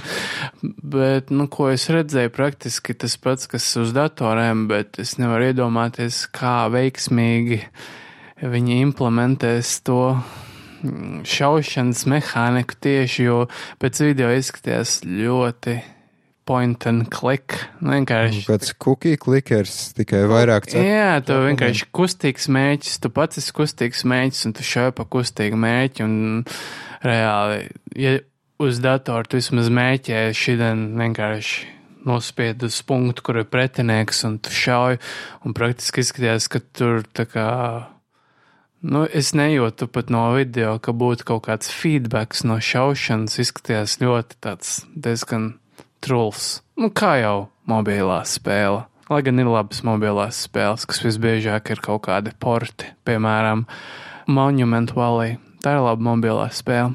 Es iesaku visiem to nopirkt. Man kā tas pats Batman, The Telltale sērijas, jūs varat pilnīgi tāpat spēlēt arī uz Android un iOS spēlējam. Nu jā, ja jums ir normāls telefons ar 1000 mAh bateriju. Jā, es atceros, ka es uz Nexus 7 pirmās paudzes mēģināju spēlēt The Wolf Among Us pirmo epizodi. Tas bija līdzīgi kaut kas kā uz Vita vai Playstation 3. Tikai tur reizēm arī sasniedz uz 60 katru sekundē. Ties pāris ainās, kur nekas nenotika. Jā, Runājot par citām mobilajām spēlēm, mēs te bišķi lēkājam eh, pa sarakstu, bet, nu, tas tā kā būs segvējs. Tad Igaunijas studija veido jaunu X-Files spēli mobilajiem telefoniem, animēt multiplikācijas stilā. Un, ja jūs kaut kas līdzīgs pirmā Playstation spēlē. ne ar tiem video, bet tas vairāk tāds point and click, kā Jā. kaut kas īstenībā pat uz tēltēlu pusi, cik es sapratu pēc video, bet uh, ne ar tām izvēlēm.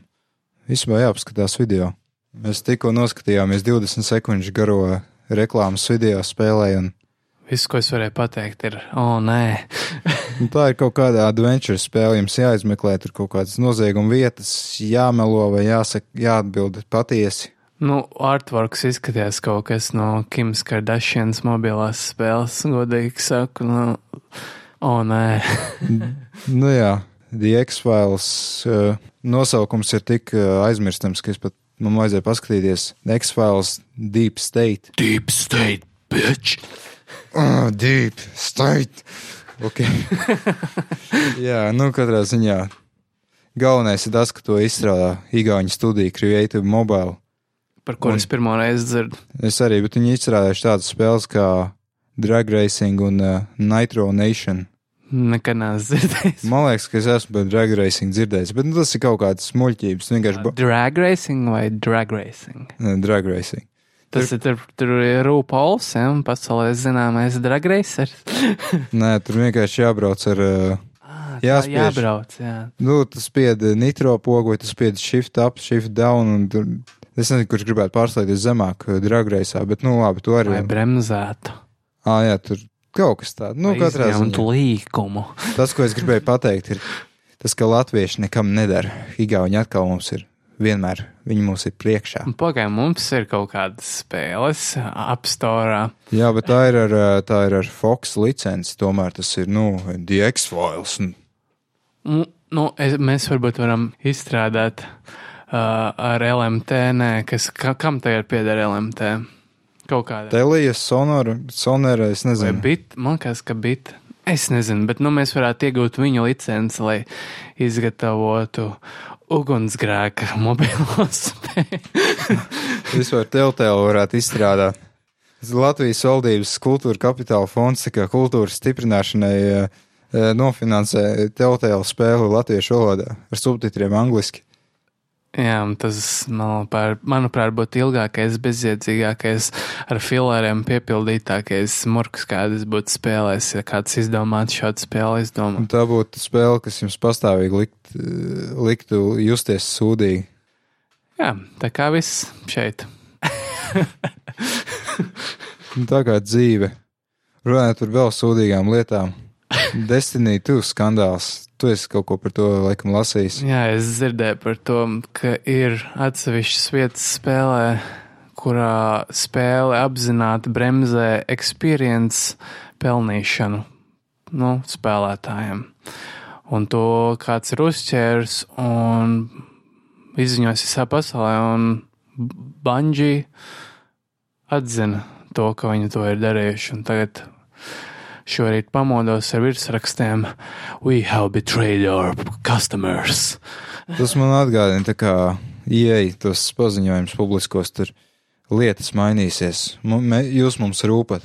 Nu, tagad Banģija pie Activision vairs nav neatkarīgi izstrādātāji. Es domāju, ka viņiem jau ir kaut kāda mentalitāte izstrādājusies, kā pareizi apčakarēt un nejusties īpaši vainīgiem par to. Nu, nu aizstāvot Banģiju, es domāju, ka tas ir. Es gribētu domāt, ka tas ir vienkārši Activision spiediens. Tāpat kā, Simt punkti tas ir Activision. Jā. tā kā Vicarious Studios vai Visceral Studios, tā to sauc, jā, kas izrāda Dead Space.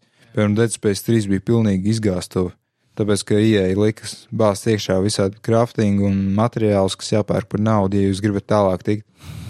Mums ir praktiski Ubisoftam nav pat tik trausmīgi kā Activisionam un EA. Es pat nevaru iedomāties, kurai vēl studēja. Oi, Konami, sorry.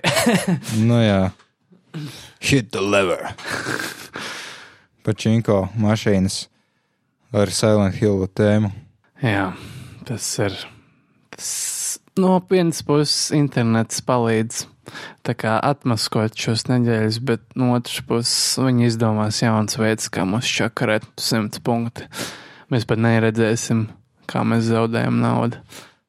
Savu dignity, cieņu, vai kā mūsu pamazām uh, no aizmugures ieeja. Nu, jā, Kaut kā 60 tā. eiro spēles, 1000 eiro mikrotransakcijās un vēl 70 eiro season pass. Nice! Vēl asiņojošs dibens caurums. Runājot par manipulācijām, kuras eh, var veikt pats patērētājs, kas beidzot iedod viņam kaut kādu kontroli pār ierīci, ko viņš ir iegādājies, tad Playstation 3 ir uh, uzhakot, bet šoreiz pluss ir tāds, ka jums vairs nevajag aizvēsturisku 3.55 programmatūras versiju, lai jūs varētu uzinstalēt custom firmware. Pat ja jums ir jaunākās, jaunākā OS versija uzinstalēta uz Playstation 3, jūs varat to uzhakot, uzlikt custom firmware kas ir ļoti labi. Vienīgais uh, nianses tāda, ka jūsu Playstation 3 konsolē jābūt pietiekami vecai. Man, piemēram, paveicās, ka man ir viena no pēdējām, ko varēju uzhakot. Visus tos super slim uh, aizmirstiet, tur nevar. Jums ir jāgaida jauns haks kaut kad nākamgad. Bet būtībā jūs uzinstalējat uh, modificētu operētāju sistēmas versiju uz savas konsoles, atslēdzat visādas debug iespējas un pats galvenais, nu, protams, pirātisms. Bet vai genocīdu vai es beidzot varēšu folkloru bez maksas spēlēt uz Playstation 3? Jā, Izcili!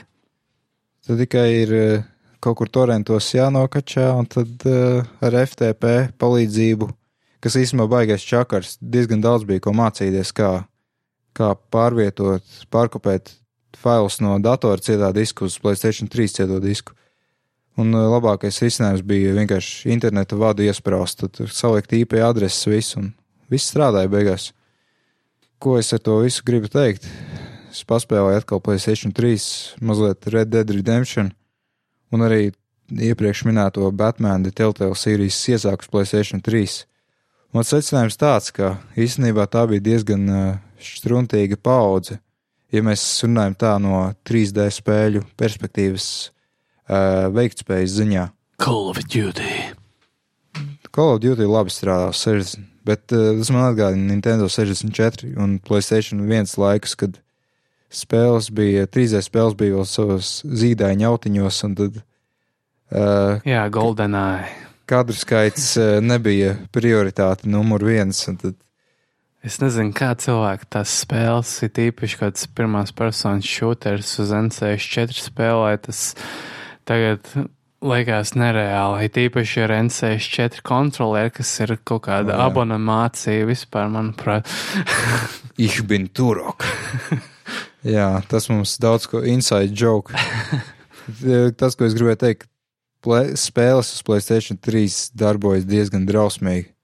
Paspēlēju arī uh, Midnight Club Los Angeles, kas ir ļoti laba spēle. Daudz labāks variants par Need for Speed Payback. Un uh, to pašu Red Dead Redemption, tas spēles strādā ārkārtīgi saraustīti, vai arī Midnight gadījumā bremzēti. Jo Vienkārši Playstation 3 nav sevišķi laba konsoli. Ja jums ir iespēja kaut kādus remasterus iegādāties tam līdzīgi, tad noteikti spēlējiet Uz Tos- datoru. vai ir uz Playstation 4, kas diezgan labi strādā lielākoties. Bet, nu, ja, ja jūs pērkat konsoli, pērciet Nintendo konsoles. Es negribu propagandēt, bet, Pērciet. jā, tur ir vislabākie ekskluzīvi, vislabākās Mario spēles, kas ir vislabākie platformeri un Zelda. Vienīgā problēma, tā, kad jūs uh, pabeidzat spēlēt Mario un Zelda, ir tā, ka nav nekā cita, ko spēlēt. Viss tas viss ir pieejams uz uh, labākām, labākām ierīcēm. Bet, nu, būs tādi uh, individi kā genocīdi, kas uh, tik un tā pirks dūmu par 46 eiro un, un uh, LA Noir par 42 un tam līdzīgi. Vienkārši tāpēc, ka var spēlēt, tu nezini, darbā, tur, kamēr priekšnieku nav pa kluso. Nē, Switch ir revolucionāra konsole. Nu, manuprāt, uz rokas šobrīd nav rokās turamās konsoles, kā pareizi to Latvijas nosaka, handheld konsoles. Jā. Nav, vai arī vispār handheld ierīces neviena nav tik laba kā Switch, Nu, Switch ir tā kā daudz labāka Vita versija. vai arī daudz labāks telefons. Nu, tā Jā. kā uz telefona varbūt mēs varam spēlēt tur fantastiski skaistas spēles, bet tām nav nekāda satura. Spēles process ir eh, nulle. Bet es arī spēlēju tā kā mārketinga materiālu. Es atnāku mājās, ielieku dokā un es turpinu. Īsumā patīk uz lielā ekrāna, tādas spēles kā Batman, nav nekādas vainas, izskatās asi. Un, eh, ja nespēlē Playstation 4 versiju, pat neievēro, ka tur trūkst kaut kādi efekti, vai tur, Vai Playstation 4 arī ir apgriezīts? nu, Batmans vismaz nav. Nu jā, Playstation 4. Sāk jau jūs savu vecumu. Nu, Arī, jā. Ir spēles, kas strādā slikti. Bet, jā, bet tomēr tā situācija ir daudz labāka nekā uz Playstation 3. bet tas tomēr nevar atskaņot. Desmit kā izšķirt spēju. No jā, tas ir vēl viens jaunums, tagad jauns HDMI standarts. Divi viens. Jā, man liekas, ka četri kabeli nav nostabilizējies, un jau viņi grib nākamo. Man liekas, ka man ar 10, 80 ļoti pietiek. Īstenībā arī tas, tas pat savā ziņā tāds nerakstīts mums diskusiju temats tagad. Man liekas, ka pilnīgi pietiek ar 1080p. Tas, kur es jūtu, ka man gribētu lielāku izšķirtspēju tieši, bet es domāju vairāk kaut kā 1440p. Jā, tas arī ir Tas tāds tieši bu- pietiekošs, darba jā. virsmai, kur vairāk saspiest, vieglāk apstrādāt kaut kādus tur fotografijas vai skaņu. Ka vienkārši vairāk var salikt uz ekrāna. Teiksim, tagad man ir 4K telefons, un es nesaprotu, kāpēc manam telefonam ir tik liela izšķirtspēja. Es neredzu to starpību. Es noslēdzu uz baterijas saving režīmu, praktiski nekas nemainās. Varbūt smakls, bet, nu, manuprāt, tik liela izšķirtspēja uz tik maza ekrāna vai ir vajadzīga? Nu, jā, nu, es arī nesaprotu, kāpēc. Tajā pašā laikā, ja grib nopirkt normālu 4K ekrānu, nezinu, kāpēc tas ir dārgāks par to telefonu, kam ir it kā 4K un saspiest tik mazā formā. Jā, un tas ir kaut kāds super AMOLED vai kaut kāds vēl cits ekrāns, kas pēc idejas nav dārgāks kā kaut kāds parasts LED. Nu jā, IPS. Bet man liekas, ka 4G gan ir uh, darba virsmai desktopam uh, pārāk augsts izšķirtspēja. Tur ir atkal jāpaceļ tas DPI vai kas, un tad līdz ar to zūd tā jēga, man liekas, no tā 4K. Jā, spēlēt World of Warcraft visā tā brīnišķībā uz 10K izšķirtspējas. Jā, Tas laikam no jaunumiem ir viss. ja mēs nebūtu runājuši par 10K, tad mēs varētu uzreiz ķerties klāt diskusiju tematiem, no kuriem pirmais, ko pierakstīja, ir, kā pirātisms var būt arī labs. Tas ir tāds vairāk kā monologs, bet es pateikšu, kāpēc ir labs. Nu, piemēram, es ieguvu šādā tādā ceļā Batmanu Telltale spēli. The sound of police. It's the 5 It's the coppers! No! Jā, kā tas var būt labs? Doma ir tāda, ka es tiku pie Batmana uz Playstation 3, izspēlēju pirmo epizodi, iesāku otro, es sapratu, ka sasodīta laba spēle. Un es iegādājos beigās Switch versiju. Tā kā Warner Bros. vai Telltale, kas no no tā pelna vairāk, viņi ieguva pirkumu, viņi nopelnīja naudu. problēma bieži vien tāda mūsdienās, ka spēlēm nav demo versija. Jā, Tad labākais variants ir vai nu kaut kāds Steam refund, kur tu lādēji 50 gigabaitu un to var spēli. dabūt tikai Steam naudiņas atpakaļ, nevis īstas vismaz Ā, to man. es nezināju. Man bija vienā gadījumā, ka man, nezinu, kāpēc negāja Game of Thrones ļoti labi uz manu datoru, tāpēc lūdzu viņiem atdot man naudu. Viņi atdeva man Steam naudiņās un uzstāja, ka tas ir vienīgais veids, kā viņi var man refundot. Un Es biju ļoti neapmierināts un tajā pašā brīdī nopirku citu spēli, kas maksā tieši tikpat daudz. Nu, tā jau tas jau man patīk ar pirātismu, ka atkal runājot nepareizā latviešu valodā, nekāda stringi nav pievienoti. Varbūt striķi. Nu jā, laika ostriķi nav, jā. Skatās, ja neskaita to, ka var drošības policija pieklāvēt pie durvīm, nav nekāda riska. Jūs leju pielādējat, jūs paspēlējat nevis divas stundas, varbūt jums vajag vairāk, jums vajag piecas stundas, lai saprastu. Un tad jūs varat izdomāt, jā, es tomēr iegādāšos, vai nē, tomēr nē. Varbūt man vajag 24 stundas, lai izmēģinātu šo 24 stundu spēli. Jo es nepiekrītu apgalvojumam, ka pirātisms ir zakšana, jo nav jau garantijas, ka cilvēks būtu nopircis to spēli. Jā, bet es tajā pašā laikā pazīstu cilvēkus, kur nodarbojas tikai ar pirātismu. Un Tā, Nezinu, gan jau, ka daudziem ir savs viedoklis par pirātismu, tā, bet nu, mēs pateicām savējo. Vismaz es. jā. Nē, nu man, man ir līdzīgs viedoklis. Kā, ja būtu iespēja izmēģināt spēles, ne tikai vienu līmeni vai izveidot varoni, kā tas ir visbiežāk kādos triālos, tad varbūt nevajadzētu to pirātismu, bet tā kā nav tādi triāli vai dēmo, tad bieži vien vajag, bet arī nebieži cilvēki neizmanto to godprātīgi šo pirātismu. Cilvēki, kas ar to tikai dzīvo, kačā filmas, kačā spēles, mūziku, visu pēc kārtas. Un tad izstrādātāji paliek bešā. Es nerunāju par IE, es nerunāju par Activision, es runāju nu, par kaut kādiem neatkarīgajiem, kuriem praktiski labākajā gadījumā paliek pa nullēm pēc spēles pārdošanas, vai arī muzikanti. Nu, viņam nav, nav nekāds tā kā dzinulis dalīties savu mākslu, ja viņam nav ienākumu no tā. Un tāpēc es arī domāju, ka tas ir tā kā koks ar diviem galiem, apusējs asmens, gan cērt, gan cērt, vai nu, tas labi nebija labs. labs veids, kā to apzīmēt, bet nu jā, pirātisms. Esiet godprātīgi, pirātējiet, piratizējiet Tikai ieeja spēles. tikai IE un Activision spēles, bet Activision spēles nav piratizētas jē, jēgas, jo tām nav single players. Tā gandrīz vai ir. Nu, ja neskaita Skylanders. Un uh, Away Out, kas būs vēlāk, bet Nu, tas ir IE. IE, IE dažām spēlēm vēl ir single players. pirms viņi aiz, aizklupē cietas studijas, ko viņi nopērk, tad ļauj arī kaut cik vienu vai divas labas spēles uztaisīt, tā kā visarāla gadījumā, pirms aizklupē cieto studiju. Tā kā ieeja nevajag atbalstīt finansiāli, mūsuprāt. Pērciet vecas big box versijas. No Elkora pa 5 eiro no tās kastes, kurā viss ir samīcīts un iepūs mazliet. Bet šeit tad Elkorā arī ir labi dīli, bet nu, reti.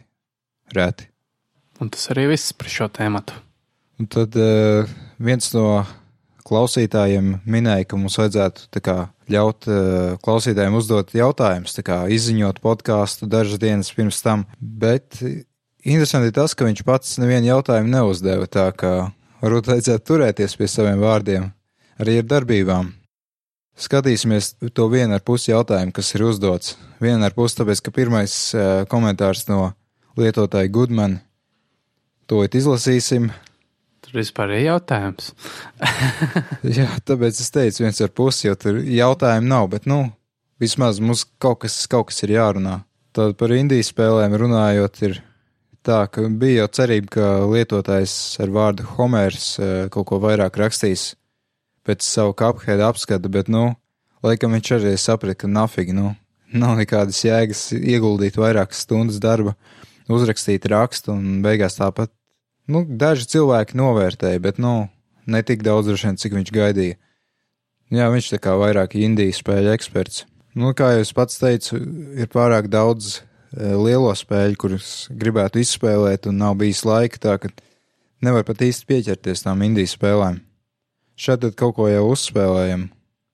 Nezinu, piemēram, ko es varētu tādu iedomāties. Monument Valley. Jā, piemēram, pērciet. Jā, 99 centi Android veikalā. Tas ir normāls puzzlers.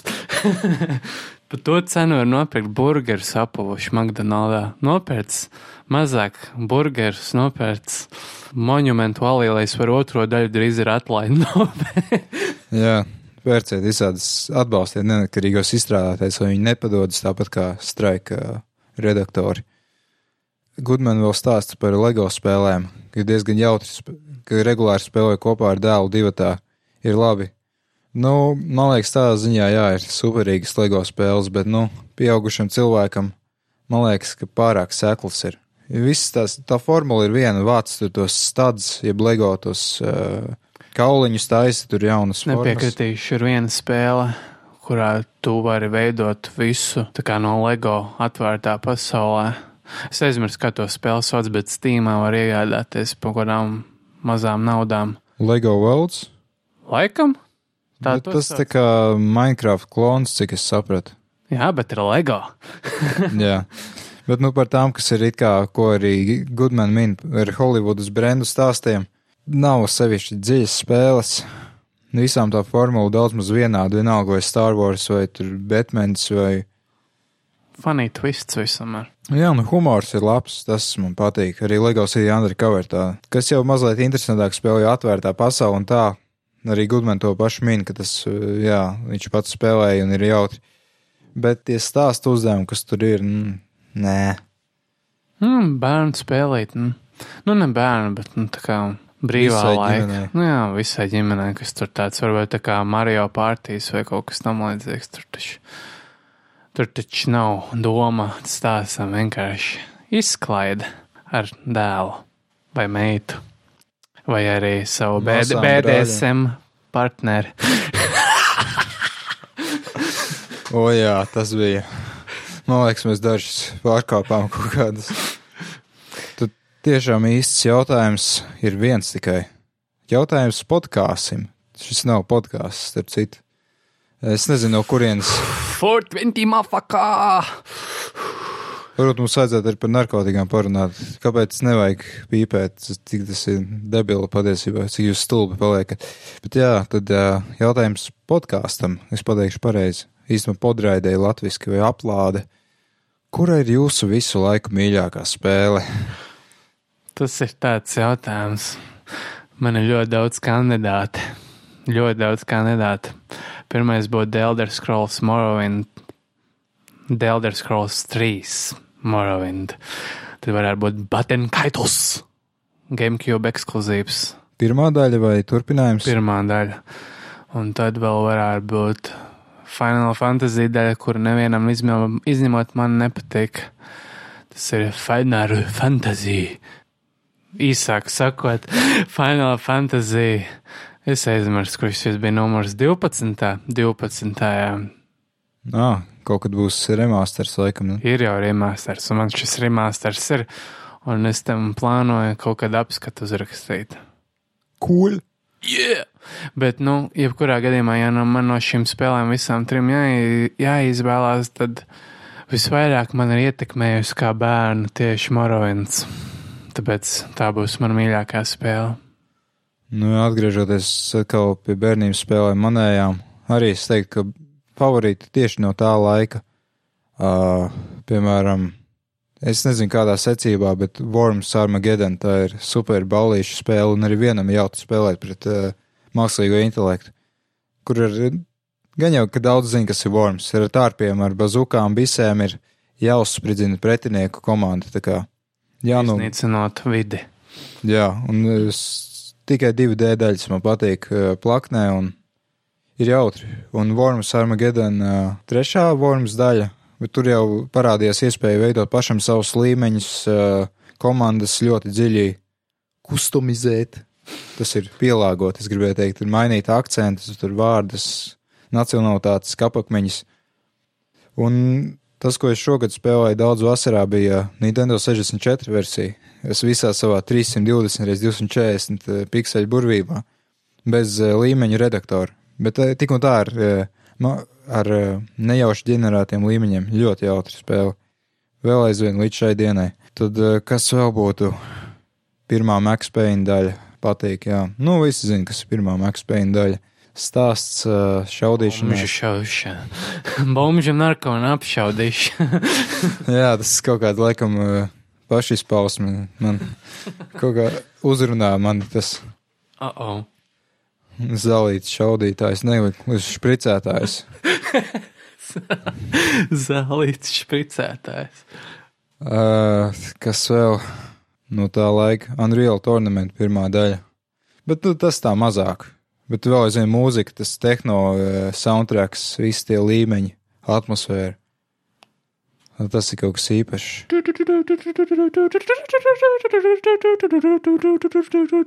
Nē, nē, nē, nē, ne, ne mažorā. Tur ir viss tā tāds, tāds drūms minorā. Jā. Kas vēl Road Rash 64, ko es atklāju diezgan vēlu savā dzīvē, bet esmu liels piekritējis. Man pat plakāts ir mājās vienīgais, kaut kur pie tāfeles piestiprināts. Uh, Jā, nav īpaši neviena spēle, kas būtu līdzīga šai spēlē.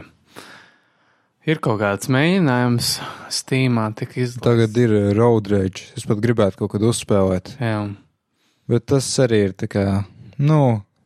Ti- Tieši Road Rash 64 ir uh, pārējās Road Rash spēles uz Segas un uz PC, uz Playstation bija ar ļoti, nu, nelīkumainām trasēm. Vienkārši tā kā pa lielceļu brauc, tad tur šķaidi tos pretiniekus, mm, izvairies no savu motociklu braucot. Tā ir motociklu braukšanas spēle un kaušanās vienlaikus. Bet Nintendo 64 spēlē ir atšķirība tāda, ka tur ir pilnībā 3D pasaule, ir atvērta tāda karte, pa kuru ir izvietota posmi, bet nu jūs varat aizbraukt jebkur. Nu, tur ir tāds šārms, un tam laikam eh, satriecoši laba fizika, es teiktu. Kā jau jūs cerams kaut kādā video redzēsiet, kaut kad. Nu, Cik var uzkodēt, saskriptot ar roku? Tālāk, es nezinu, kas ir mīļākā spēle. Call of Duty Modern Warfare 4, kur vēl nav iznākusi. Bet noteikti kaut kad būs. Šis ir oficiālais paziņojums par tās relīzi. Mums ir liels derības. Mēs ar ebreju mafiju sadarījām ka vairākiem tūkstošiem, ka tāda būs. Tāpēc, jā, es tagad Sledgehammer gameos esmu iesūtījis savu insideru, kurš visiem lobē šo spēli šobrīd. Tā kā coming next Monday, nē, next summer, nē, next November, yes. Hliebāški. Nu, es domāju, kāds viens no novembriem tas noteikti būs. Tas bija lasītāja jautājums. Vesels pusotrs. Jā, liels paldies par atsaucību. Varētu vairāk, lai būtu interesantāk. Varbūt mums būtu fillers, pa ko runāt vairāk.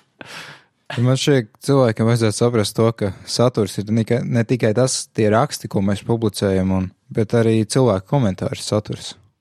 Jā, bet ne, ne ļauna komentāra. Man nepatīk ļauna komentāra. Es nelasu komentārus pa dzīvi. Neveiksmīgi pārtulkoju no krievalodas, bet, bet man patīk pozitīvi komentāri. Man patīk daudz sirsniņas, un man patīk daudz komentāru. Patīk, hugs and kisses lācīšana. Jā, tāpēc, tāpēc, tāpēc, es nedabūšu miljardus skatījumus līdz nākošajai pirmdienai, es pakāršos.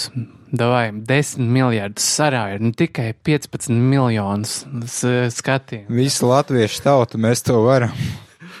Saņemieties, nu, Te- God damn it! Un tā kā mums, eh, mums akūti, akūti trūkst eh, lasītāju jautājumu, mēs paskatīsimies, ko tad straika eh, lietotāji un aktīvākie spameri ir sa- sarakstījuši straika LV sadaļā aktivitātes, aktivitātes. sākot no jaunākās. Saka no jaunākās talantīgo latviešu reps. Trash emoji. Uh, varbūt mēs varētu paklausīties un aprunāt Un tā, jā, mēs noklausījāmies aptuveni minūti. Katra. katrs dziesmas. New Wavy, Lil Pump.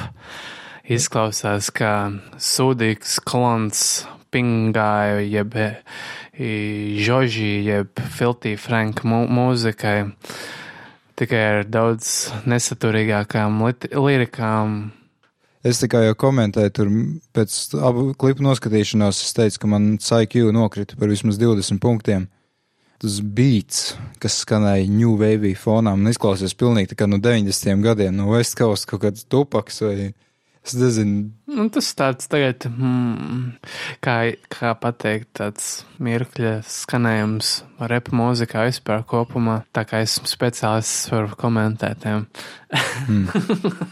Nu, jā, man liekas, pilnīgi deģenerēta mūzika, es nezinu. Oh, oh.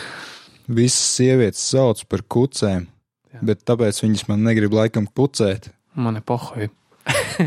Nu jā, daudz lāma vārdu, daudz uh, sieviešu saukšanu par uh, suņiem. Gucci, jā. Mm. Gucci arī pilnīgs. Gucci gang, Gucci gang, Gucci gang. Pilnīgs Pilnīgs. sūds. Karoči, jā. Tālāk, James May. Tas jau kaut kas man zināms.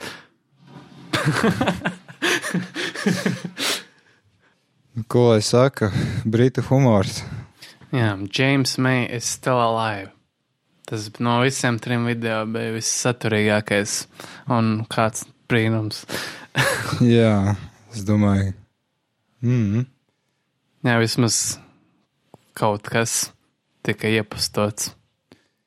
Nu jā, bet diemžēl nekas ar spēlēm saistīts. Bet, nu, vai kāds tev vispār iespējas par Grand Tour skatījies?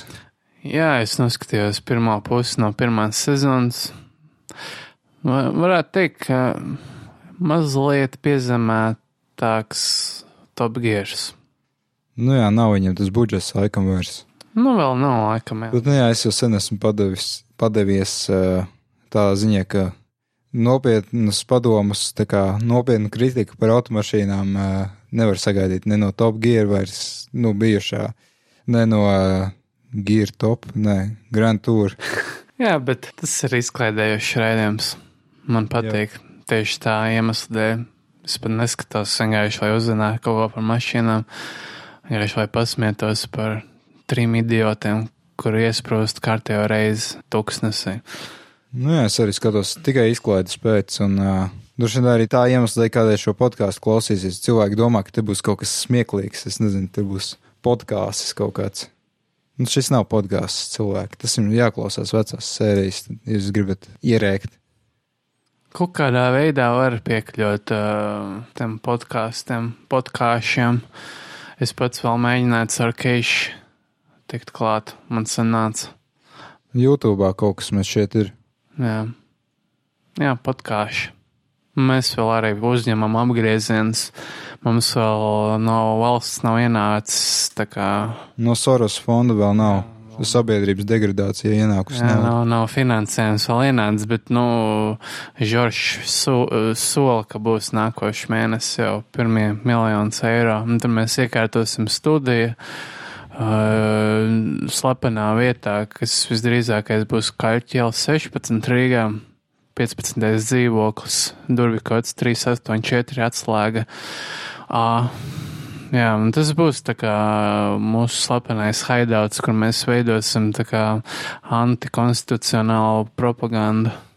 Jā, lai deģenerētu kā Latvijas sabiedrība jauniešus. Un Tēmas dziesmu mēs būsim samaksājuši autortiesības. Mums skanēs gang, Gucci gang. Jā, un katru reizi mums būs citi, un mēs kā mēģināsim piesaistīt arī e, Donaldu Trumpu. Viņš būs mums īpašies viesis kāda, kādā podkāstā nākotnē, bet, nu, pagaidām ir iedzīvo kā var. Ak, ak nākotne, ak, cerības. Nākošais, kas mums te ir Suicide Christ raksta Humble Bundle Monthly decembra spēles. Diezgan sūdīgs lineups. Nu, tur kaut kur nebija šis tas. Uh, es kaut kur, ah, ne, re, kur ir seksija Britālija vismaz. Nu, vismaz man vēl. Nē, huizina nav īpaši labi spēlē, godīgi. Jā, man kaut kā ar, nu, liekas, tas tikai trash materiāls kaut kādiem streamiem vai YouTube video.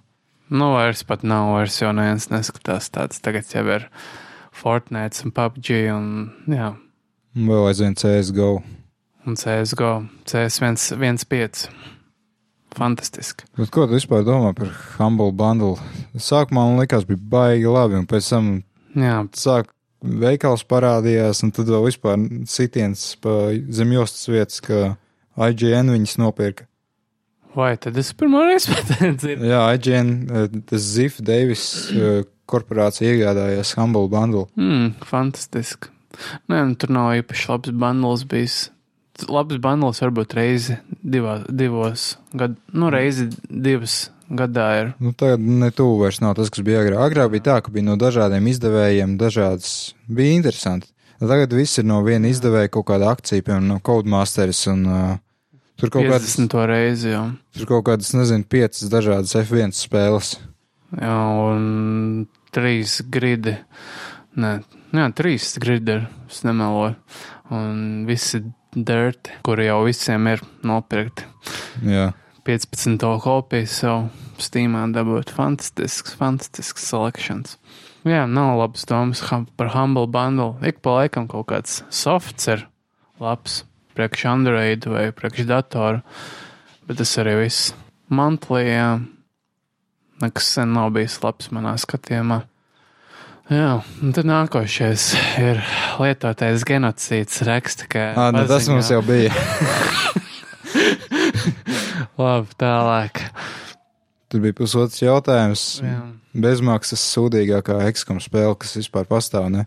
Jā, The Bureau, The Bureau, The Bureau Declassified. Nu, es neteiktu, ka tā ir sūdīga spēle, bet es neteiktu, ka tā ir laba spēle.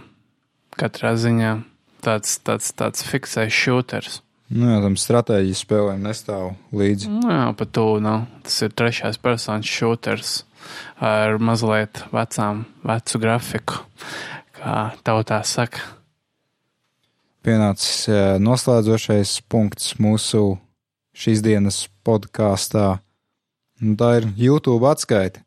Tad gan arī divus mēnešus ir, eh, esmu mēģinājis kaut kādus video publicēt, bet, nu, atsauksmes ir eh, bijušas. eh, Varbūt tev būtu tas gods, Fenfēnē, pastāstīt, kāda ir vidējais skatījumu skaits, vēl analītikas var iet, cik cilvēki Jā,